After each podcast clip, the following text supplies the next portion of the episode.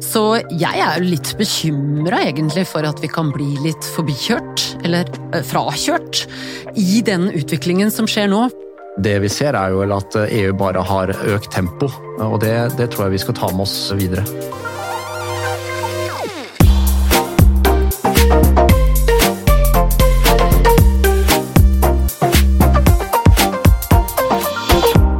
Skal vi lykkes i morgen, må vi ta gode beslutninger i dag. Derfor har vi invitert noen av landets mest toneangivende mennesker for å snakke om temaer vi vet vil forme våre liv fremover. Dette er I morgen, en podkast fra oss i McKinsey Norge. Jeg heter Koris Gustani, og i dag Det siste året har krigen i Ukraina og kraftkrise dominert dagsorden her i landet. Men mens eh, vi har fokusert på å håndtere økte strømpriser og et kommende kraftunderskudd, har Europa giret kraftig opp i sitt grønne skifte. Billig grønn kraft har alltid vært et eh, konkurransefortrinn for Norge og norsk industri.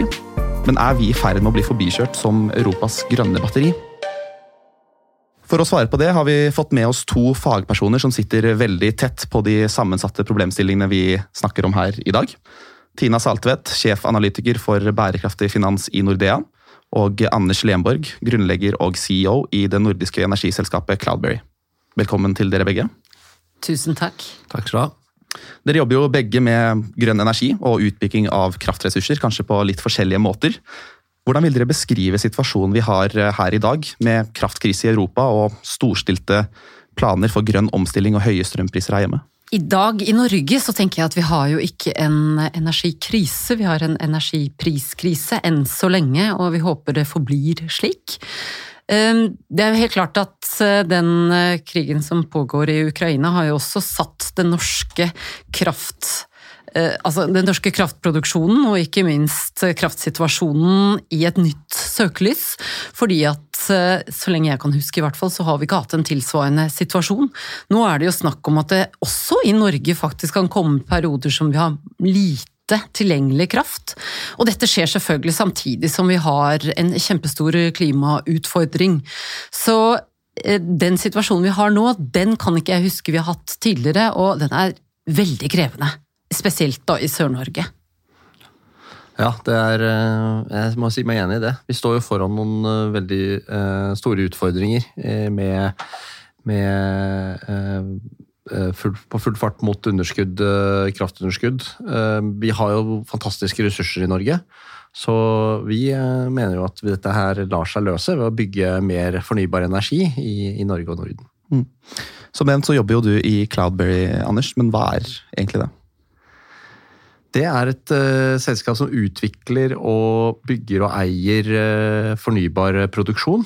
Så vi uh, satser på vannkraft og vindkraft i Norge og vindkraft i Sverige. Og så har vi også noen utviklingsprosjekter på, på, sol.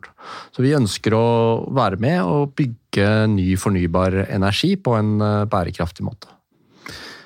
Alle snakker jo om eh, kraft om dagen. Hvordan opplever du det i din hverdag, Tina?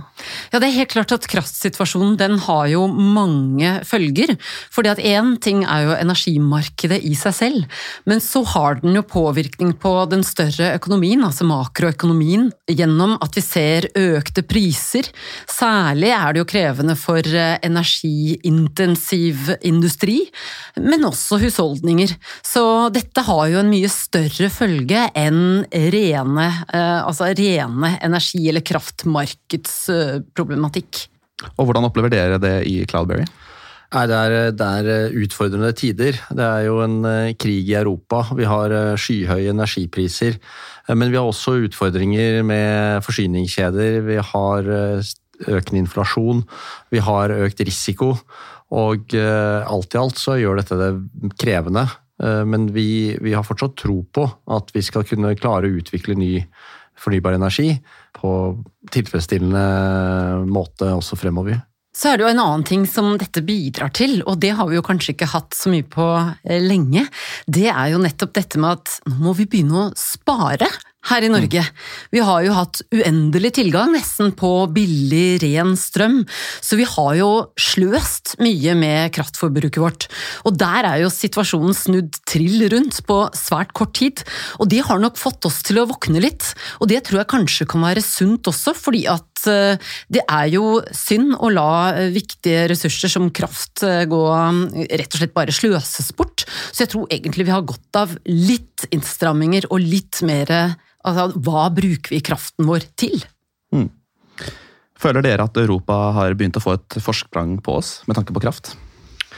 Ja, jeg tror Europa og EU har, eh, har satt seg noen mål. Eh, veien eh, er ditt. Har de, har de gått opp? Og det vi ser nå, er vel egentlig at det har gått fra å være en en klimakamp til også å bli en, en, en, kamp om energi og sikkerhet, forsyningssikkerhet. Og den, det, det, vi ser, er jo at EU bare har eh, økt tempo. Eh, og det, det tror jeg vi skal ta med oss eh, videre. Jeg tenker at Debatten er jo veldig forskjellig egentlig i Norge og i Europa. Naturlig nok fordi at vi er et eh, olje- og gassproduserende og eksporterende land. Så jeg er jo litt bekymra egentlig for at vi kan bli litt forbikjørt, eller mm. Eh, frakjørt, i den utviklingen som skjer nå. Fordi at eh, vi er fremdeles veldig lukka inne i et olje- og gassystem. Vi trenger, hvis vi skal henge med på dette, å bygge ut mye ny fornybar energi.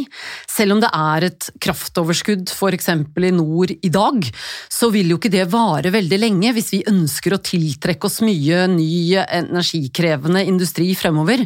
Så det er viktig at vi nå ikke bare snakker om at vi skal bli, forbli egentlig en energinasjon. Vi må fortsette å investere så vi faktisk kan bli det også i fremtiden. For folk flest kjenner eh, høye strømpriser på lommeboka, og fra industrien så advares det om driftsstans og manglende lønnsomhet. En passende introduksjon til deg, kollega og seniorpartner i McKinsey, Christer Tryggestad. Velkommen også til deg. Takk for det. Det er mye usikkerhet rundt eh, kraftsituasjonen i Norge og for norsk industri i dag og i årene som kommer. Hva kan vi egentlig med sikkerhet si om fremtiden?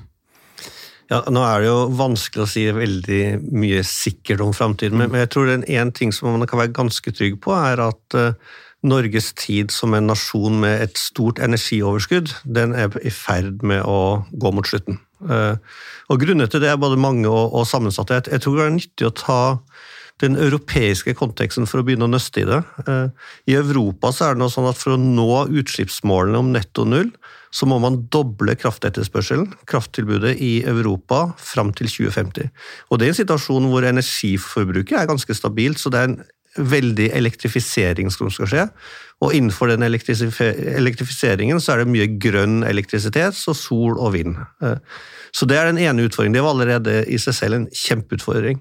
Så kommer eh, Ukraina-krigen på, på, toppen av det og gjør situasjonen enda mye verre. Eh, en tredjedel av gassetterspørselen, eller gasstilbudet til, eh, til, Europa forsvant nesten over natten. Og Det gjorde at det som var en, egentlig en elektrisitetsknapphet, ble en energiknapphet. Det ledet til høye gasspriser, veldig høye gasspriser, og derfor også høye elektrisitetspriser som en direkte følge av, av det.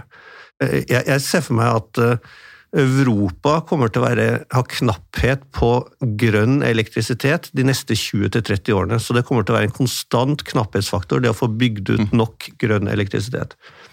Og Dette påvirker naturlig nok også Norge eh, gjennom eksportkablene. Og når da vi i tillegg også i Norge skal gjøre et skift, en, et grønt skift med mer elektrifisering innenfor industri og transport, så vil det lede til høyere priser på elektrisitet over tid også i Norge. Så vi snakker egentlig i prinsipp om en ny normal. Men hva skjer egentlig med norsk industri når vi både skal eksportere kraft, men også bygge opp disse nye industriene både du og Tina nevner? Ja. Eh, jeg, tror det er to vinkler inn på dette. Det ene er volumsiden, det andre er pris- eller kostnadssiden. For det første så ser jeg at Eh, kraftbalansen i Norge den er utfordra. Eh, I Norge har vi historisk hatt som et konkurransefortrinn at vi har hatt eh, et kraftoverskudd, billig, grønn og fleksibel elektrisitet. Vi har hatt ca. 15 TWh i kraftoverskudd over lang tid i Norge. Men nå er det sånn at situasjonen med økt eksport og økt etterspørsel i Norge gjør at vi, som nevnt tidligere i dag, går mot et kraftunderskudd allerede i 2026 om det ikke gjøres betydelige grep. Og dette drives da av en økning i etterspørselen på rundt 20 TWh, mens vi da historisk har hatt et overskudd på, på mindre enn det. Samtidig som vi har denne volumeffekten, tilbud-etterspørseleffekten, så ser vi at eh, kostnaden på sol og vind, eh, kraft ute i verden, er på vei ned raskt. Og det gjør at eh, norsk vannkraft er ikke så konkurransedyktig lenger som det var.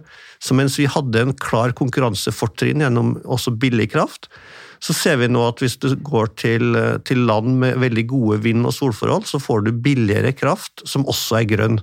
Så den historiske konkurransefordelen vi har hatt, som gjør at vi har bygd mye kraftkrevende, attraktiv industri i Norge, den, den er i ferd med å, å forsvinne. Og det er, jo, det er, jo, naturlig at det, det, er en risikofaktor. Eh, og risikoen er at ny industri, og kanskje til og med eksisterende industri, flyttes til land med enda lavere kraftpriser.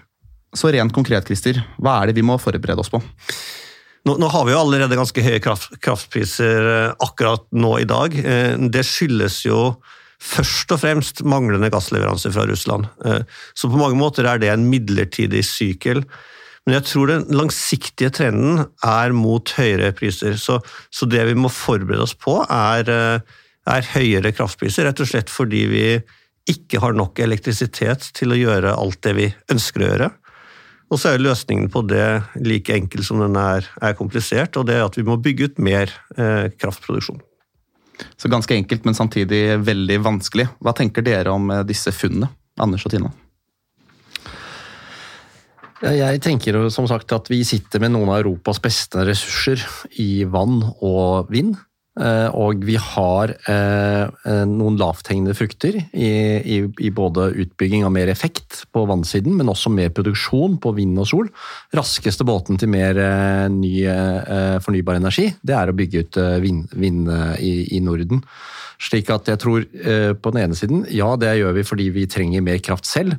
Samtidig som vi gjennom kablene kan være med å bidra til at det blir et grønt skifte også i Europa. Jeg tenker vi savner en litt klarhet her. Hva ønsker vi egentlig å være fremover? Mm. Ønsker vi å produsere kraft og bruke den hjemme, ikke eksportere så mye? Eller ønsker vi å produsere masse kraft og eksportere mer kraft? Og så kommer vi inn på det som du var inne på her, som jeg syns er kjempespennende. Kanskje kommer vi ikke til å være eh, et land som har mye kraftkrevende industri fremover. Kanskje er vi nå nødt til å åpne øynene og faktisk se at kraftkrevende industri, det, dens tid er på en måte ferdig i Norge. Eh, mm. Fordi at mange andre har den naturgitte fordelen som vi har levd på veldig lenge. Og da må vi jo begynne å tenke på det allerede nå. Hva skal vi erstatte de arbeidsplassene med, i tilfelle det skjer.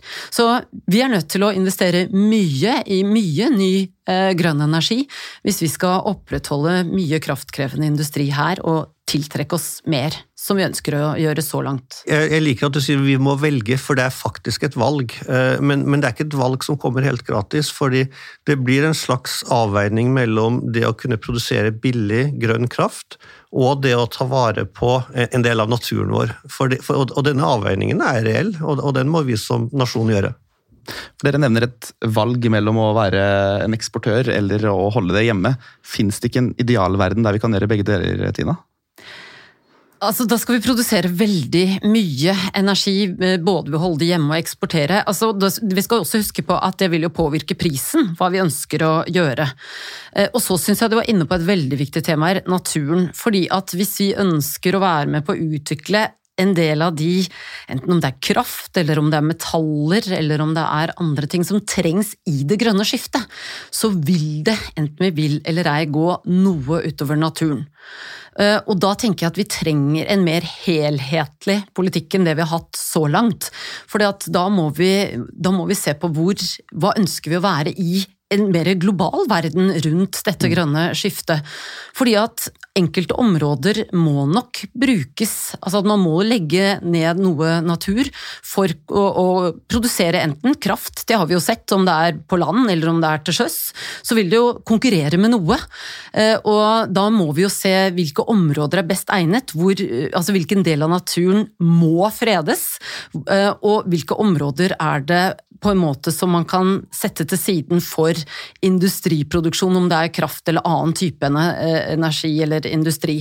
Og dette er kjempevanskelige spørsmål, og vi må se oss Altså, da tror jeg ikke vi kan se på bare Norge alene, vi er nødt til å se på verden rundt oss, spesielt kanskje Europa og nabolandene våre.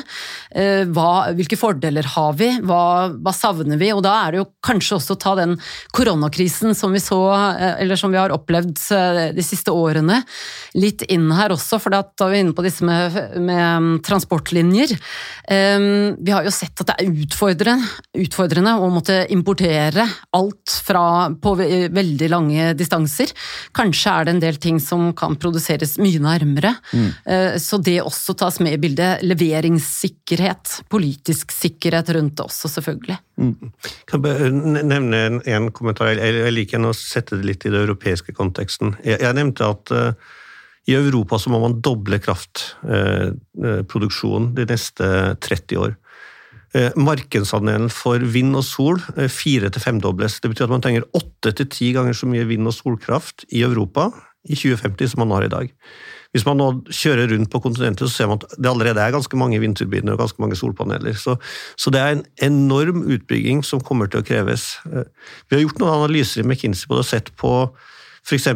vindareal i Tyskland som er godt egnet for å bygge ut vindkraft, hvor man må viss avstand fra bebyggelse osv. Og, og det vi kommer fram til, er at nesten 80% av alt tilgjengelig areal for vindutbygging, som er godt egnet for vindutbygging, må bygges ut for å nå målet i Tyskland.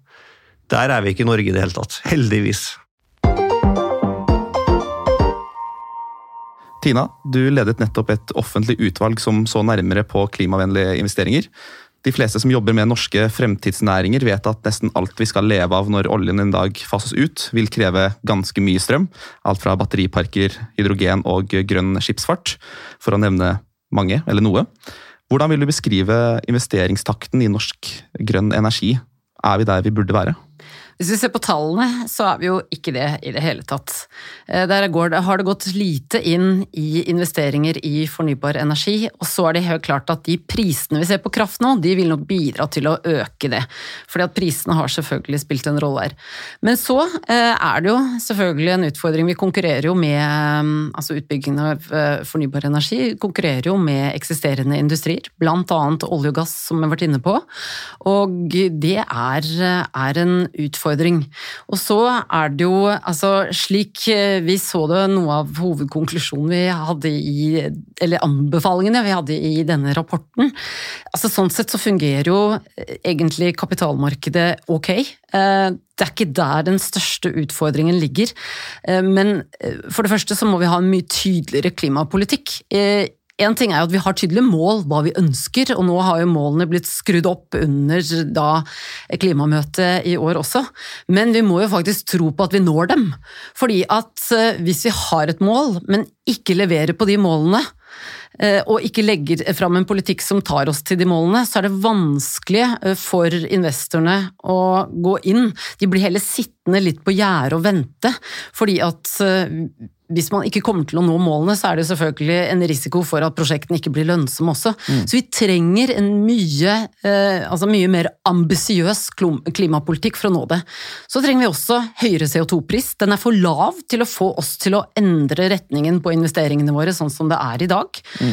Eh, og det gjelder jo både kvoteprisen, slik vi ser det på det europeiske kontinentet, men også da avgiften som vi har i Norge. Slik at samla sett så må vi ha en, en høyere CO2-pris for å få oss til å gjøre de valgene, eller svinge investeringene eh, i en retning som faktisk tar oss til eh, Paris-målet. Christer? Ja, jeg vil bare ta tak i en ting som både Tine og Anders nevner rundt konkurransen mellom det grønne ny industri og den eksisterende kalde petroleumsindustrien. Jeg tror det er en dimensjon til til konkurransen som er viktig, og det er konkurranse mellom nasjoner. For det er ikke nok at vi vinner, eller at eh, grønn industri vinner mot petroleumsindustrien i Norge. Man skal også vinne mot grønn industri i andre europeiske land. Det vi ser nå er jo en voldsom kamp for å tiltrekke seg, om det er batterifabrikker, hydrogenanlegg osv. i Nederland, England, andre nordiske land. Og Det er også en, en, en, kamp som, hvor jeg opplever at Norge i hvert fall ikke ligger foran. Eh, vi ligger snarere litt bak. Og Vi kommer oss ikke foruten at vi rett og slett kommer til å trenge å bygge ut mer kraft. Og Her er det flere som peker på vindkraft som det logiske og liksom quick win-stedet å starte. Vi kan begynne med landbasert, som dere har drevet med ganske lenge i Cloudberry. Hvordan vil du beskrive vindkraftsatsingen her til lands, Anders, på landbasert vind? Ja, den, har vært, eh, den har jo ligget nede i, i flere år. Eh, så vi har jo hatt eh, prosjekter som man har ønsket å gå videre med, men det har jo vært en stans i, i vindkraft på land i Norge. Nå har man jo åpnet opp igjen for vindkraft på land, men det er jo fortsatt slik at man må ha en positiv til, altså man må ha en positiv kommune eh, med seg hvis man skal få eh, startet et, en prosess. Og der, der, er det en del pågående dialoger og en, og en, del spennende muligheter. Men det gjenstår å se hvordan dette ser ut når vi har kommet litt videre i prosessene med de, de lokale kommunene. Mm. For landbasert vin er jo litt sånn tabubelagt enda i Norge, og som en utvikler og utbygger av det, får du mye kjeft for å være en forkjemper? Nei, det vil jeg ikke si. Jeg får uh, både ris og ros. Uh, men uh, det vi ser er jo at den pendelen har svingt litt tilbake. Det er slik at nå er det konkurranse i enkelte områder om, om kraften. F.eks. mellom etablert, kall det tradisjonell industri, og den nye, nye industrien. Om det skal være batterier eller, eller datalagring. Og, og, skal du ha, tiltrekke deg den nye industrien, så må du også kunne tilby rimelig og grønn energi. Og de har også ofte krav om addisjonalitet, altså det må være ny fornybar. Det holder ikke mm. med den etablerte fornybare produksjonen. Og, og der føler jeg at vi, vi har sett et, et, skifte i Norge som vi håper også skal resultere i flere parker. Og vi ser det spesielt i Sverige også, hvor, hvor industrien har vært veldig tydelig da, på at de trenger mer vindkraft. Christer, kommer eh, Norge til å være en, en, stor industrinasjon i fremtiden, selv om kraftoverskuddet reduseres og til og med blir borte noen steder? Ja, det, jeg, jeg, tror, absolutt det. Eh, og, og, det skyldes at Norge har en del fordeler som er veldig attraktive også for kraftintensiv industri. Eh, for det første så har vi den fleksible vannkraften. Det gjør at vi kan levere grønn, relativt billig elektrisitet 24-7 og det er ofte veldig viktig for prosessindustrien. Så det er én fordel vi har, og som er veldig veldig vanskelig å matche hvis, du, hvis det er basert på vind og sol, bare som produserer når eh, sola skinner eller vinden blåser. Det andre er at Norge er jo en nasjon hvor det er ganske lett å, å, å, bygge virksomhet og gjøre, virksomhet, gjøre, business fordi du har en veldig utdannet, høyt utdanna befolkning. Ja, Tina, er, vi, vi, mangler noen av de, vi er litt for få av dem, men vi har tross alt en høyt utdanna befolkning. Vi har politisk stabilitet, vi har små forskjeller og vi har en høy grad av tillit. Alt dette er ting som gjør at det å etablere virksomheter i, i, i Norge er attraktivt. Så ser vi jo samtidig, og det har vi snakket mye om eh, nå, at det er jo ganske klare politiske signaler rundt at eh, det er en vilje til å hente inn eh, større skatteinntekter fra grønn industri, og spesielt av kraftproduksjon. Og det tenker jeg at i, en, i, år som nå, hvor det er veldig høy fortjeneste, så er det også helt ok og, og, og, og riktig å gjøre. Men så tror jeg det er veldig viktig at man da finner denne balansen mellom økte skatteinntekter og det å skape eh, rammebetingelser som gjør det attraktivt å bygge denne norske, norske grønne industrien. Så er det noe vi kan gjøre på kort sikt for å øke tilgangen vår på kraft allerede nå? Finnes det noe lavthengende frukt der ute? Ja, det finnes en del lavthengende frukter. Vi har ikke snakket så mye om utvidelse av vannkraft. Det er jo en lavthengende frukt. Eh, der eh, NVE sier at det finnes rundt 22-23 TWh av tilgjengelig eh, vannkraft, ekstra vannkraftproduksjon. Det er delvis kanskje to tredeler fra å bygge ny vannkraft, og det er en tredel fra utvidelse av kapasiteten i eksisterende vannkraft. Det andre som vi har vært litt inne på i dag, er energieffektivisering. Eh, hvor vi i Norge har et, fortsatt et ganske stort potensial, spesielt i husholdninger og bygg, eh, for å bli mer energieffektive. Og igjen, NVE sier at der kan det også fort finnes 12-13 TWh uten for store eh, anstrengelser. Og kanskje opp mot 20 hvis man går et, et, et steg videre. For å folke, folkeliggjøre denne terawatt-timen eh, litt, hvor, hvor, mye utgjør dette, de 20 terawatt-timene du nevner? Så eh, 20 TWh er ca. 15% av, eh, av Norges totale energiforbruk. Så det er ganske mye. Og som en som jobber eh, med vannkraft i det daglige, hva tenker du egentlig om de scenarioene Christer nevner med hvor enkelt det kan frigjøres hva skal man si, konfliktfri kapasitet i modernisering av vannkraftverk?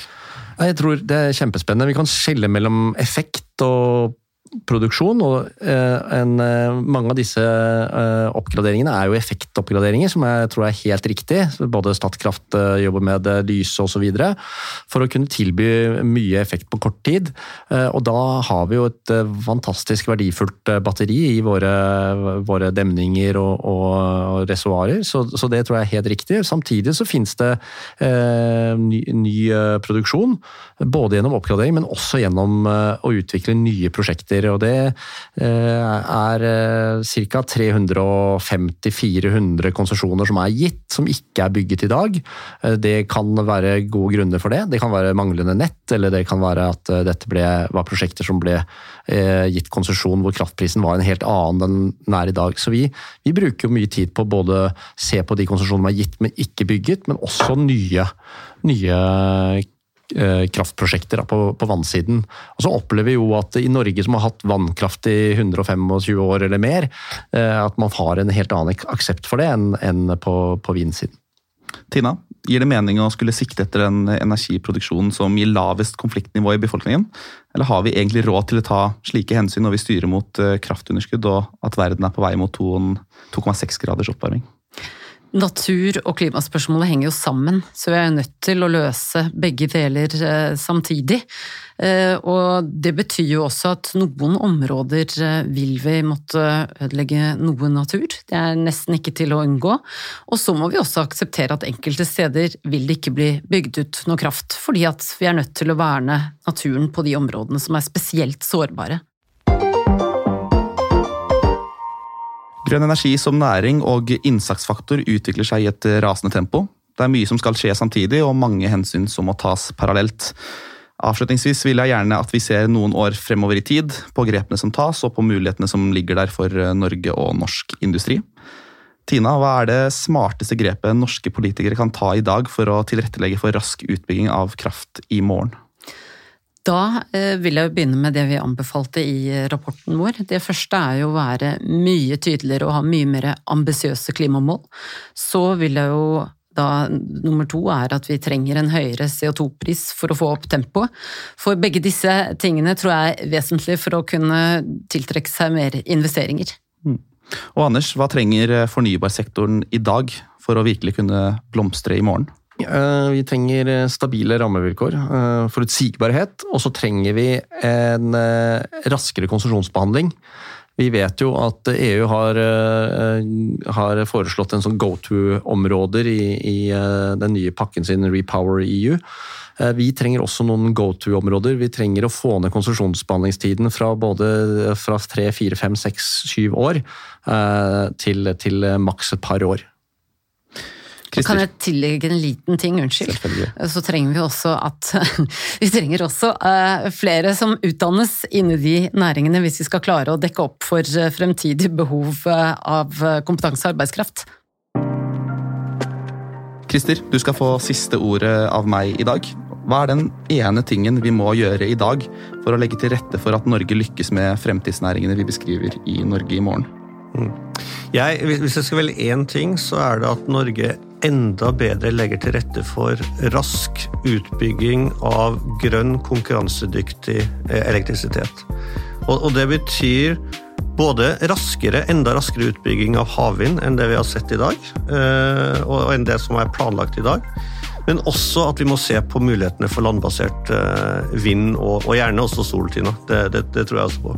Det er noe vi i hvert fall seriøst må vurdere om vi ønsker å videreutvikle konkurransedyktig industri i Norge. Jeg tenker det er et fint sted å runde av.